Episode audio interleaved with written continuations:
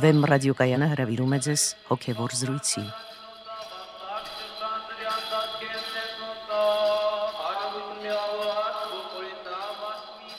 Սիրելի ունկնդիրներ, Վեմ ռադիոկայանի եթերում են արժանապատիվ Տեր Մեսրոպ Քահանա Արամյանը եւ Արա Սարգսակ Նալչաջյանը։ Այսօրվա մեր զրույցի թեման է հավատքի այլափոխումները։ Օրհնեցեք Տեր հայր։ Աստված օրհնի։ Տեր հայր մեր նախորդ զրույցի ընթացքում անդրադարձանք հավատքի խնդրին, թե ինչ է հավատքը, դուք բարձրաբանեցիք եւ ըստ ձեզ հավատքը մի ագույց է, որը մարդուն կապում է Աստծուն եւ առասարակ համաձայն եկեղեցու ուսմունքի։ Սակայն միշտ չէ որ հավատքը որպես այսպեսին գործում է իր առողջ ձևով, ինչպես որ աստվածային նախասահմանությամբ այն պետք է որ լինի։ Այն հաճախ ենթարկվում է զանազան շեղումների, խեղաթյուրումների, այլափոխումների։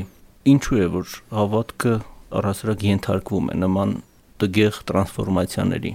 Նախ եւ առաջ պետք է ասել, որ հավատքը մարդու հոգու բնական վիճակն է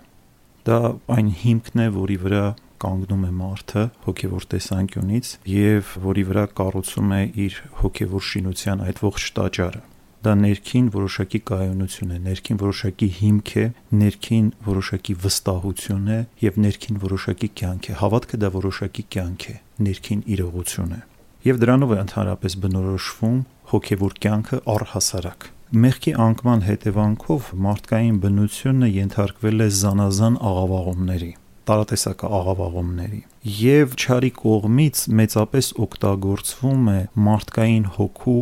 առաստված այդ ձգտումը, այդ բաղձանքը քանի որ դա բնական իրավիճակ է մարդու համար, որովհետև առանց երկնային լույսի, առանց հոգևորի մարդը չի կարող գոյատևել, ինքը անընդհատ փափագում է, դա ներքնապես փնտրում է Աստծուն, չարօգտագործելով այդ հանգամանքը տալիս է զանազան խապկանքներ մարդուն։ Այսինքն այդ հավատքի բուն ներքին ֆունդամենտալ փնտրումը, որը մարդկային կյանքի հիմնարար մի փնտրում է, փոխարինվում է այլ փնտրումներով, փոխարինվում է այլ նպատակներով, փոխարինվում է այլ վստահություններով եւ այլն։ Օրինակ ասենք, մարդը սկսում է հույսը դնել չոր դատարկ բաների վրա, սնահավատությունների վրա, կամ մարդը սկսում է հույսը դնել գիտելիքների վրա, մարդը սկսում է հույսը դնել մարդկանց վրա եւ այլ բաների վրա։ Այսինքն չարի կողմից ամեն բան արվում է, որպեսզի մարդը հույսը չդնի Աստծո վրա չունենա այդ կենթանի անձնական փոխհարաբերությունը իր արարչի հետ այս բուն ֆունդամենտալ իրողությունը ենթարկում է զանազան աղավաղումների եւ դրանից ի հայտ են գալիս զանազան կեղծ պատկերացումներ մարդկային կյանքի մասին, աշխարհի մասին, կեղծ փնտրումներ եւ այլն, այսինքն մարդը անընդհատ այդ կեղծ փնտրումների ցիկլերի մեջ է հայտնվում բայց գնալով դեպի այդ կեղծ նպատակները մարդը անընդհատ տեսնում եւ ներքնապես համոզվում է, որ սա չէ այն, ինչ որ իր հոգին փնտրում է, որովհետեւ շարունակ մարդուն հետապնդում է այդ ներքին դատարկության զգացողությունը, որովհետև իսկական ճանաչողությունը, որ է Աստված ճանաչողություն, մարդուն տանում է ճշմարտության ճանապարհով, ճշմարտության բացահայտման ճանապարհով, ներքին ուրախության ճանապարհով, երանության ճանապարհով։ Իսկ այսպիսի փնտրումները ընդհակառակը տանում են հոգեզրկման ճանապարհով մարդուն, ներքին դատարկության են հասցնում մարդուն եւ մարդը անընդհատ հասկանում է, որ այդ նպատակը, որ ինքը դրել էր, դա ընդհանրապես մի գեղեցիկ խապկանք էր, պատրանք էր եւ հասնելով այդ խապկանքին ամեն բան փշուր-փշուր եղավ եւ ինքը նորից կանգնեց իր ներքին դատարկության առջև։ Էնպես որ խապկանքները այսօրվա աշխարհում շատ-շատ են եւ մարդը պետք է զգուշորեն կատարի իր ընտրությունը, որպեսի ինքը չկորցնի այն ժամանակը, որը շատ թանկ է եւ տրված է մարդուն իր հոգու փրկության համար։ Եթե հավատքը հոգու բնական եւ ուղիղ վիճակն է Տեր հայր։ Այդ դեպքում ինչու Տերը աշակերտներին այսպես պատասխանեց, երբ նրանք խնդրեցին Տիրոջ թե Տեր մեր հավատը ավելացրու, նա ասաց. Եթե մանանեխի հատիկի չափ հավատք ունենաք եւ այս լերանն ասեք ելիր ծովն ընկնիր ու ձեր սրտում չկասկածեք, կկատարվի։ Այսինքն Տերը այստեղ հավատքը համեմատեց փոքր բանի հետ, մանանեխի հատի հետ։ Եթե հավատքը հոգու բնական վիճակ է, ինչպես կարող է այն լինել, ասենք, փոքր կամ գուցե մեծ հենց տիրոջը այդ արտահայտությունը ցույց է տալիս մարդկային կյանքի ընդհանրապես մարդու հոգու ողբերգական վիճակը, այսինքն ինքը այնքան է հեռացել իր ճշմարիտ բուն էությունից, որ մի քիչ այդ հավատքը ունենալով նա կարող է բազում մեծ գործեր կատարել։ Իհարկե, այդ արտաքին հրաշքների մեջ չէ ճշմարիտ հավատքի վկայությունը։ Դրանք պարզապես գործեր են, որոնք կարող են արտարոց ազդեցություն ունենալ մարդկային մտքի վրա, որտեղ հավատքի ճշմարտությունը ուրիշ չափումներ ունի։ Դա ինքնազոհողություն է, դա սեր է, դա ապաշխարություն է եւ այլն, այսինքն սրանք են հավատքի ճշմարիտ դրսևորումները եւ պտուղները։ Այսինքն ինչքանով ենք մենք խոնարհություն ձեռք բերում, ինչքանով է մեր հոգին փափագում Աստծո հետ լինել, ինչքանով է այս աշխարհը դեռևս մեզ համար հրապուրիչ եւ այլն։ Այսպիսի բաներով է չափվում հավատքի ներքին իրողությունը։ Բայց այնուամենայնիվ ստույգ է Տիրոջ խոսքը, որ եթե մանանեխի հատիկի չափ հավատք ունենաք, ապա մեծամեծ գործեր կգործեք, մեծամեծ հրաշքներ կգործեք։ Բայց այդ հրաշքներից մեծագույնը ըստ Գրիգոր Նարեկացու մեղավորի սիրտն է, որը ազատագրվում է մեղքի կապանքներից։ Սա է անվանում ինքը մեծագույն հրաշք, որտեղ միևնույն է այդ արտաքին հրաշքներով սա հանրահայտ բան է եւ ցույց է տրված Սուրբ գրքով, մարդը չի գալիս հավատքի։ Քանի դեռ չկա այդ ներքին փոփոխությունը։ Դրա համար երբ որ փարիսեցիները նշան էին փնտրում, Տերը ասաց չար եւ շնացող ազգը նշան է փնտրում եւ չի տրվի նշան նրանց, բացի Հովնան Մարգարեի նշանից։ Իսկ ո՞րն էր Հովնան Մարգարեի նշանը։ Հենց ապաշխարության կոչն էր, որով ինքը դիմեց նինվեացիներին եւ նրանք ապաշխարեցին այ այդ ներքին վերափոխման հրաշքի վրա է կառուցված հավատքի իրողությունը եւ դրան է առաջնորդում հավատքը սա մենք մեկ անգամ եւ մեկ ընդմիշտ պետք է հիշենք որովհետեւ այդ ներքին վերափոխմամբ այդ ներքին ազատագրմամբ մենք արժանանում ենք որ Աստված մեր մեջ բնակվի։ Իսկ կա ավելի մեծ հրաշք, քան Աստծո հետ միավորված լինելը։ Սա շատ անհամեմատ ավելի մեծ բան է, քան լեռներ շարժելը եւ այլ արտաքին հրաշքներ գործելը։ Պաստորեն, եթե մենք չենք կարողանում հավատքի այդպիսի զորավոր գործեր գործել, խոսքը ասենք հրաշքների մասին չէ, այլ մեր ներանձնական հոգևոր կյանքում հասնել, այսինքն որոշակի հաջողությունների, որոնք Աստված ավելի մեծ գործ է համարում, քան այդ արտաքին հրաշքները։ Եթե մենք դա չենք կարողանում անել, ուրեմն անգամ մանանեխի հատիկի չափել հավատք չունենք։ Այո, այդպես է ստացվում եւ նորից եմ ուզում ասել, նախ եւ առաջ մենք մեր հավատքով մեր սրտում լեռնացած այդ մեղքերի լեռները պիտի շարժենք դրանցից պետք է թոթափվենք եւ հետո հենց որ դրանցից թոթափվենք եթե անհրաժեշտություն կա Տերը նաեւ այդ արտաքին հրաշքները կտա բայց նախ եւ առաջ մենք պետք է ապրենք մեղքերից ազատագրվելու ներքին վերափոխման այդ հրաշքը Տերեր եկեղեցական տեքստերում, հոգևոր տեքստերում հաճախ գործածվում է ուղիղ հավատք արտահայտությունը։ Խնդրեմ բարձաբանեք, ինչպիսի ատրիբուտների պետք է բավարարի հավատքը, ինչպիսի պայմանների պետք է բավարարի, որպեսի այն անվանվի ուղիղ հավատք։ Ուղիղ այստեղ նկատի ունի, որ ինքը ճշմարիտ հավատք է ուղափառ հավատք է, ճշմարտադավան հավատք է, որովհետև երբեմն հավատք բառին կցվում են որոշակի ածականներ, որպեսի տարբերվի ճշմարիտ հավատքի իրողությունը, բուն հավատքի իրողությունը կեղծ հավատքներից կամ սնահավատություններից, որտեղ ինչպես ժամանակակից աշխարհում մենք տեսնում ենք թե ինչքան աղավաղումների է ենթարկվում հավատք բառը, սեր բառը, բոլոր կարևոր հոգևոր տերմինները ըստ էության այսօրվա լեզվամտածողության մեջ գրեթե նենգափոխված են, ինչքան ապականված բան կա, մենք սեր ենք անվանում, մոռանալով սիրո բուն էությունը, ինչից է սերը գալիս, որ սերը նախ եւ առաջ բխում է Աստծո հետ միավորությունից, ասում է սիրիր քո Տեր Աստծուն, ապա ասում է սիրիր ընկերոջ հետ քո անձի պես, որովհետև եթե չսիրես Աստծուն, դու չես կարող մարդուն ճշմարտապես սիրել։ Մարդուն ճշմարտապես սիրելու համար դու պետք է կապ ունենաս սիրո աղբյուրի հետ։ Սրանով տարբերակվում է բուն հավատքի էությունը ճշմարիտ հավատքի էությունը կեղծ հավատքի դրսևորումներից։ Եվ երբ որ ասվում է ուղիղ հավատք, այսինքն ճշմարիտ, ուղափառ հավատք, նախ եւ առաջ նկատի ունի, որ այդ հավատքը պետք է խարսխված լինի ուղափառ դավանության վրա ճշմարիտ հավատքի խոստովանության վրա։ Յուրաքանչյուր մարդ պետք է գիտակցի եւ հասկանա ինչին է ինքը հավատում։ Եվ ոչ միայն պետք է գիտակցի, այլ նաեւ պետք է խոստովանի բերանով, ընդունի որպես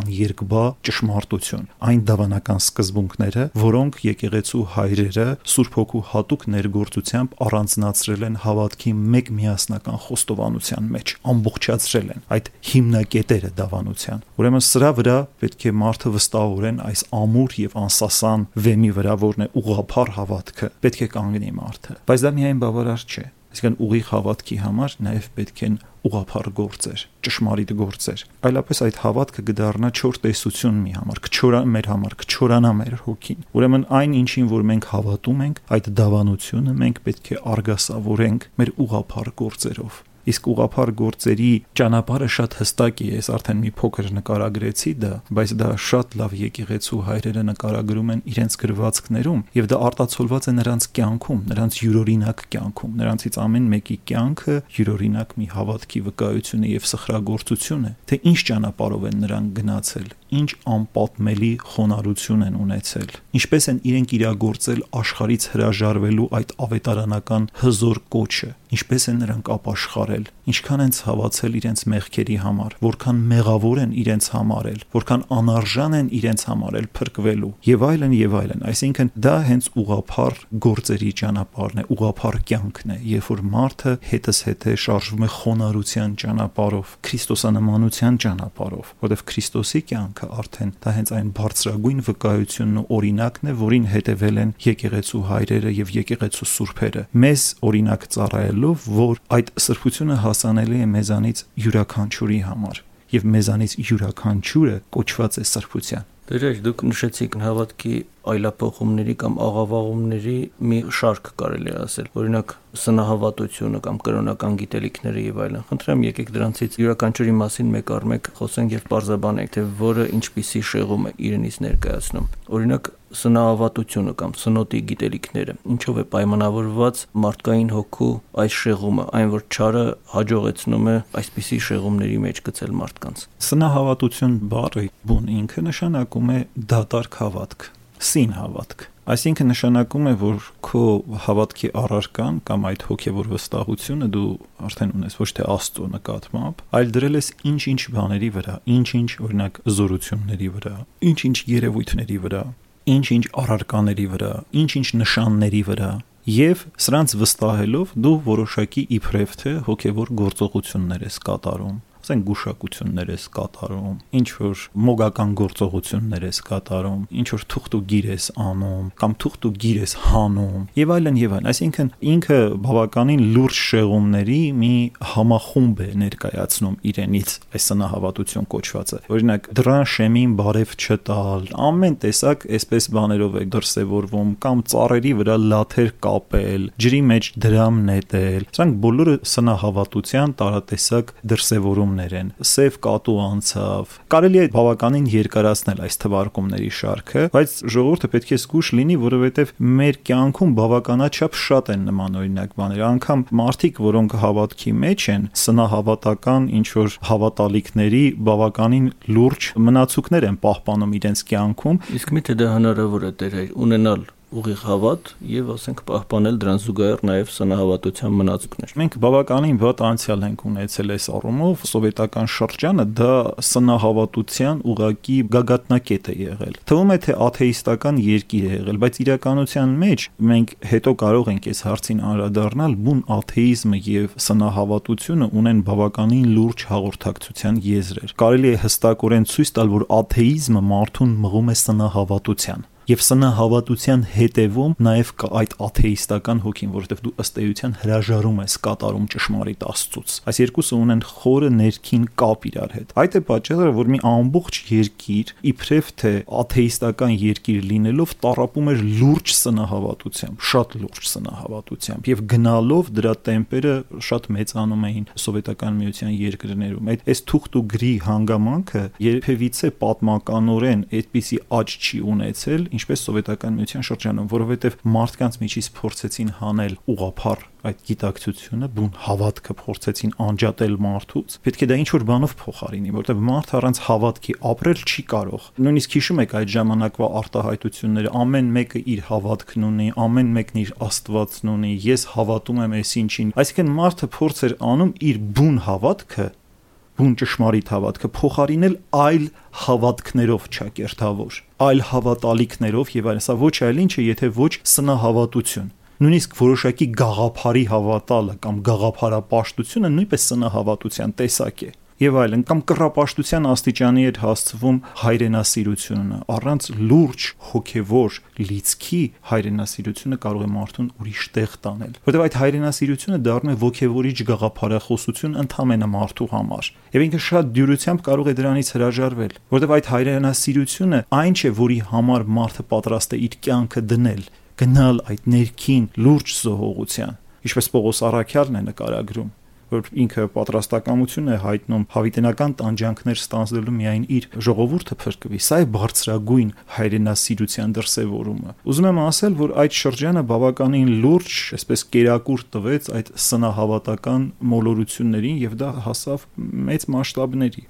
Եվ հիմա ժամանակն է, որ մենք հետսետե կամած կամած թոթափենք այդ սնահավատական անցյալից, այդ սովորություններից եւ այլն, որը բավականին լուրջ կերպով մխրճված է մեր ժողովրդի կյանքի մեջ այսօրվա դրությամբ ցավոք սրտի։ Դեր եւ եթե սնահավատությունը մեկն է հավատքի այդ աղավաղումներից կամ այլափոխումներից եւ դրա հիմքը հանդիսանում է հիմնականում աթեիզմը, անհավատությունը, ապա մյուս կողմից կարծում եմ, որ անհավատությունը ինքը եւս հենց կարելի է համարել մի այդպիսի այլափոխում։ Անշուշտ, որտեղ անհավատությունը ըստ էության ինչ է իրենից ներկայացնում, հավատալ, որ Աստված չկա։ Ասած անզգամն իր սրտում, թե Աստված չկա, հա։ ապականվեցին պղծություններ գործելով։ Հա։ Դու այսինքն հավատում ես, որ ինչ որ մի բան չկա որի հետ դու չես փորձում հաղորդակցություն հաստատել։ Այսինքն քեզ լույսը ցույց են տալիս, դու փակում ես աչքերդ, ասում ես, չէ, ես չեմ ուզում այդ լույսը տեսնեմ, չկա լույս, գոյություն չունի երբ որ քեզ ընդհանրապես մնում է որ աչքերդ բացես, որպեսի այդ լույսը տեսնես, այսինքն հոգուտ աչքերը բացես իսկ հոգու աչքերը բացելու ճանապարհը դա արդեն հավատքի ճանապարհն է ուրեմն երբ որ մարդը փորձ չի անում այդ ճանապարհով ընթանալ այսինքն հաղորդակցություն հաստատել եւ ասում է Աստված չկա, դա ամենաաբսուրդ պնդումներից մեկն է, որ կարող է մարդը անել։ Որտեվ երբ որ ֆիզիկոսը ասում է, որ էլեկտրոն կա, դու հավատում ես, որ այդ էլեկտրոնը կա, բայց դու երբեք այդ էլեկտրոնը չես տեսել։ Եթե մեկը քեզ հարցնի ինչպես պիտի տեսնես այդ էլեկտրոնը, ճանապարհը այս է, որ պետք է որոշակի չափումներ կատարես, այսինքն որոշակի գործիքներ պետք է օգտագործես, այլապես դու չես կարող տեսնել։ Հիմա ես չեմ ուզում ասել, որ հավատքի ճանապարհը նույնն է, բայց դա նույնպես շատ լուրջ փորձարական ճանապարհ է։ Ասում եք քննեցեք եւ տեսեք, որ սա է ճշմարտությունը։ Ուրեմն նշանակում է, որ մենք առնվազն պետք է այդ փորձը, ներքին փորձը կատարենք։ Ներքին փորձ չկատարած մարդը իրավունք չունի ասելու, որ չկա։ Այսինքն իր չկան ամենաանհիմն պնդումն է, որ կարող է նա անել։ Իսկ եթե մարդը իսկապես ներքին փնտրում է, կատարում, այդ քայլը կատարում է եւ հանդիպում է հոգեվոր լույսին, ապա դրանից ավելի մեծ ուրախություն մարդկային կյանքում գոյություն ունենալ չի կարող։ Նա արդեն անմիջապես ստանում է այն ներքին համոզումը, այն այն երկբա համոզումը, որ այս աշխարհը ունի արարիչ, ինքը ունի Աստված եւ մարդկային կյանքի հիմնական ձգտումը եւ հիմնական չափումը Աստծո հետ փոխհարաբերության մեջ է։ Դեր սնահավատության եւ անհավատության պարագան արդեն կարծես հիմնական մի քանի շտրիխներով բարձաբանվեց, սակայն եւս մեկ հոգեվոր շեղմանն է ես ուզում անդրադառնալ, որը հանդիպում է ոչ անհավատ մարդկանց հիմնականում, այլ ընդհակառակը հավատացյալ մարդկանց։ Դա մոլերանդությունն է, մոլերանտ հավատ։ Խնդրեմ բարձաբանեիք այս շեղման նշբությունները, ինչպես է որ մարդը հավատացյալ մարդը, որը հավատում է Աստծուն, այդպիսի խնդիր չկա նրա համար, թե Աստված չկա եւ այլն նման խոչընդոտ գաղափարներ չեն ցակել նրա մտքում, բայց հանկարծ մարդը հայտնվում է մոլերանդության մեջ։ Որպեսզի լավ հասկանանք մոլերանդության շեղումը ինչ է ներկայացնում, մենք երկու բևեռներ պետք է դիտարկենք։ Մեկը մոլերանդության բևեռն է, երբ որ մարդը չափազանց շեշտադրումներ է կատարում իր գործերի վրա, սա ըստեյության լուրջ եսի խնդրեմ է։ Եվ մյուսը թերահավատության խնդրեմն է որտեղ մարդը ըստ էության դրսևորում է լուրջ թերահավատություն հավատքի մեջ, որը տանում է կատարյալ հոգևոր թուլության, այսինքն մարդը անընդհատ դոփում է իր տեղում։ Եվ այս երկու ախտերով հիվանդություններով տարապում է այսօրվա հավատացյալ, այսպես գիտակցությունը։ Մի կողմից թերահավատություն, եւ մյուս կողմից մոլերանդություն։ Երկուսն էլ շատ խորը արմատ են գցել մարդկային հոգում եւ ըստ էության, եթե վերցնենք երկուսն էլ կարելի ասել կրոնական աթեիզմի դրսևորումներ են, որքան էլ տարօրինակ սա հնչի։ Այսինքն ինչ ասել է կրոնական աթեիզմի դրսևորում։ Այսինքն սա նշանակում է կրոնական ոլորտում գտնվելով արտակուստ խոստովանելով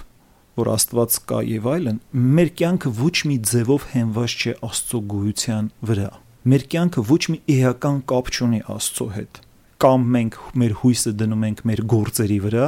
կամ էլ ընդհանրապես փրկության հույսը կորցրած ենք մնում հավատքի ոլորտում։ Եվ սա ամենամեծ շեղումն է, որ կարող է ունենալ մարդը հավատքի ոլորտում, որտեղ եթե մարդը կատարելապես իր հույսը չդրեց Աստծո վրա, ամեն մի բան, որ իր հետ կատարվեց, նույնիսկ եթե ինքը փորձանքի մեջ ընկավ որևէ, եւ չմտածեց, որ Տերը ինձ կհանի, Տերը կտա իր ճշմարտությունը կամ այսպես ասած թուլացավ, կամ էլ ասեց՝ «Օ, ես գիտեմ ինչ պետք է անեմ, ես այսպես, այսպես, այսպես կանեմ» եւ դուրս կգամ այս վիճակից։ Սա նշանակում է, որ մարդը տվյալ պարագայում հույսը լրիվ դրել է միմիայն իր գործերի վրա եւ ինքը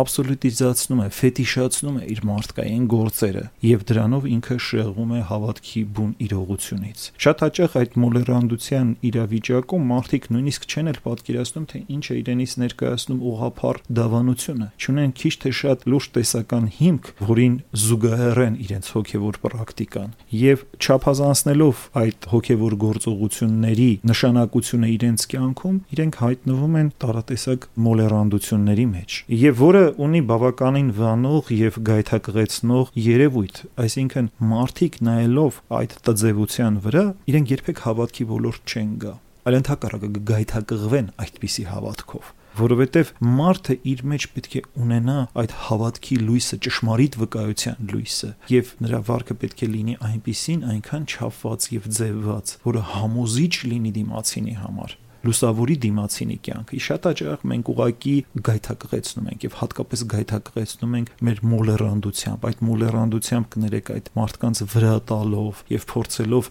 մարդկանց դարձի բերել, բայց իրականության մեջ դեռ մենք դարձի չենք եկել։ Դեռ մենք հավատքի այբուբենը չենք յուրացրել, առաջի տառը անգամ չենք յուրացրել, փորձում ենք արդեն հավատքի քերականություն ուսուցանել դիմացիներին։ Սա շատ վտանգավոր վիճակ է։ Եվ այդ գայթակղությունը գալիս է տարբեր պատճառներով նախ եւ առաջ ճարի գայթակղություններից նախ եւ առաջ մեր ծուլությունից, դեպի խորքը չգնալու ցանկությունից եւ բացի դրանից գալիս է նաեւ մի շատ լուրջ ներքին գայթակղությունից, որ մենք ոչ թե մեր եսից հրաժարվելու ճանապարհով ենք գնում, այլ ընդհակառակը մեր եսի կերակրման ճանապարհով ենք գնում։ Այսինքն այն ամենը ինչ որ որ մենք անում ենք, անում ենք մեր եսը ուրճացնելու եւ կերակրելու համար, որտեւ այդ բոլոր գործերը այս կամ այն կերպ մենք վերագրում ենք մեզ։ Այսինքն մենք Աստծո փոխարեն հույսը դնում ենք մեր վրա, մեր գործերի վրա ենք դնում։ Դերեր դուք խորը հոգեվոր պատճառներ նշեցիք այդ երևույթի մոլերանդության սակայն միգուցե դրան զուգահեռ նաև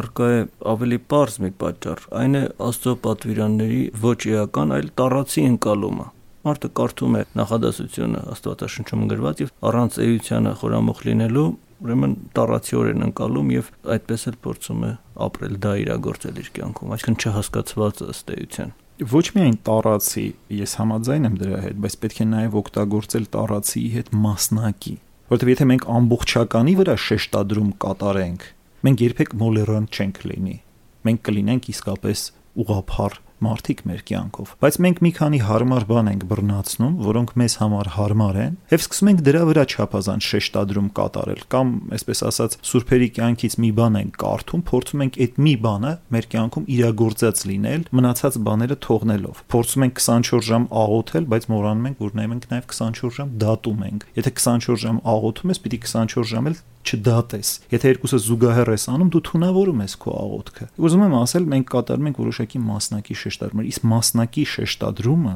ուղղակի աղանդավորության հիմք է։ Թող չզարմանան, ասենք, մեր ունկնդիրները, բայց հավատքի ոլորտում է լինելով կարելի է պոտենցիալ աղանդավորական վիճակում լինել, քանի դեռ մենք մասնակի շեշտադրումներ ենք կատարում հավատքի վրա։ Ինչ որ բաներ առանձնացնում ենք, մեզ հարմար բաները։ Իսկ այն բաները, որոնք որ մեզ հարմար չեն, դրա մասին առհասարակ մոռանում ենք։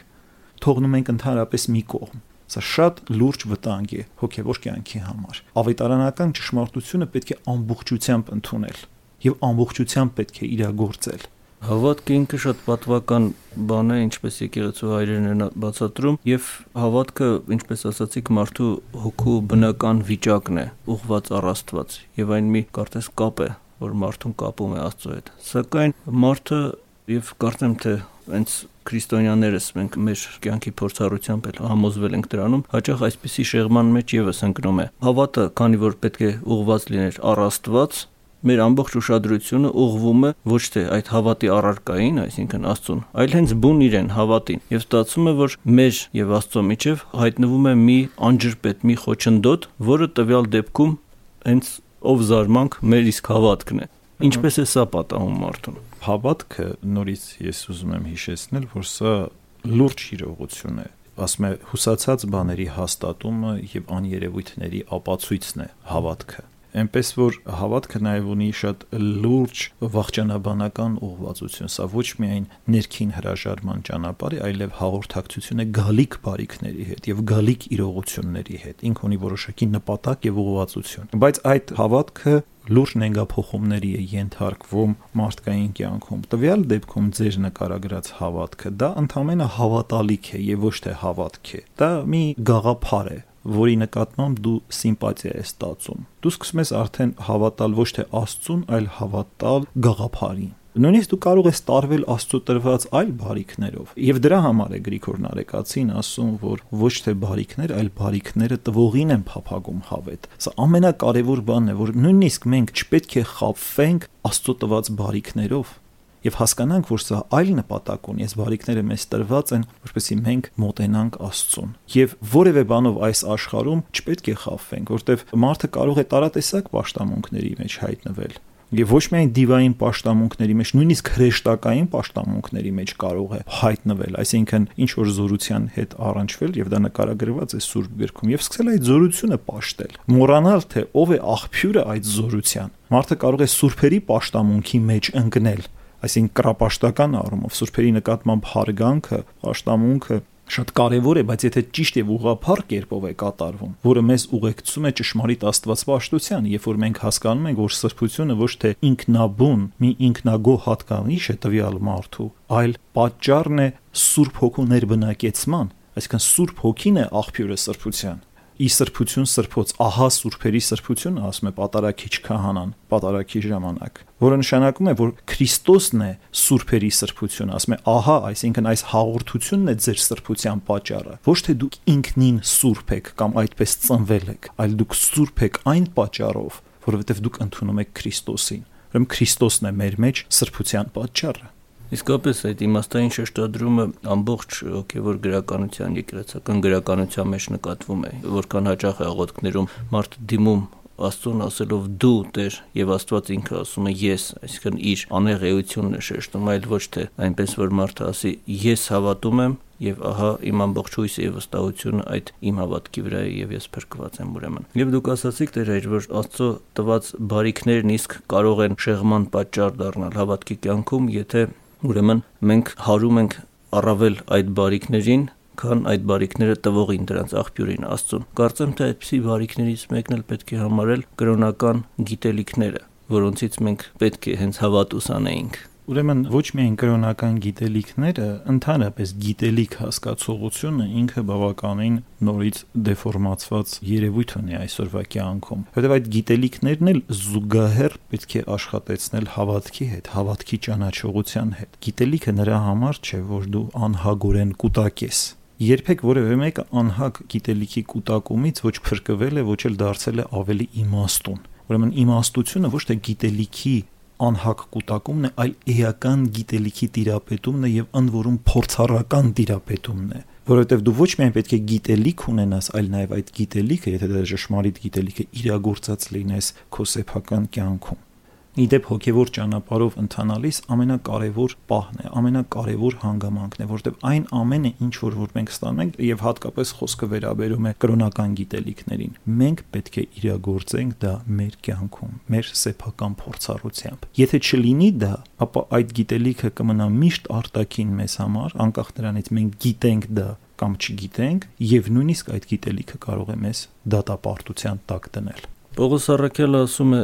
Բարի պատերազմ պատերազմեցի, ընթացքը կատարեցի, հավատքը պահեցի։ Եթե ահա այսպիսի եւ գուցե եւ բազմաթիվ այլ զանազան շեղումներ են հնարավոր հավատքի կյանքում, հոգեվոր կյանքում, ապա ինչպես անենք, որպեսի իսկապես պահենք հավատը, այն ուղիղ հավատը, որը հենց մարդու հոգու բնական վիճակն է։ Այդ հավատքը պահելու ճանապարհը, ինչպես ես ասացի, դա հավատքի ճշմարիտ գործերն են։ Այսինքն բավական չէ, որ մարդը ստանա ուղափառ հավատքը, այլ նաև մարդը պետք է իր կյանքը զարդարի ճշմարիտ հոգևոր գործերով։ Եվ այդ ճշմարիտ հոգևոր գործերը մարդուն տանում են ներքին խոնարհության, ներքին խորը ապաշխարության, ներքին ազատագրման եւ մարդկային կյանքը լցնում են Աստծո լույսով։ Շնորհակալություն Տեր հայր, թույլ տվեք սրանով եզրափակել մեր այսօրվա զրույցը հավատքի աղավաղումների մասին։ Օրհնեցեք Տեր հայր։ Աստված օրհնի։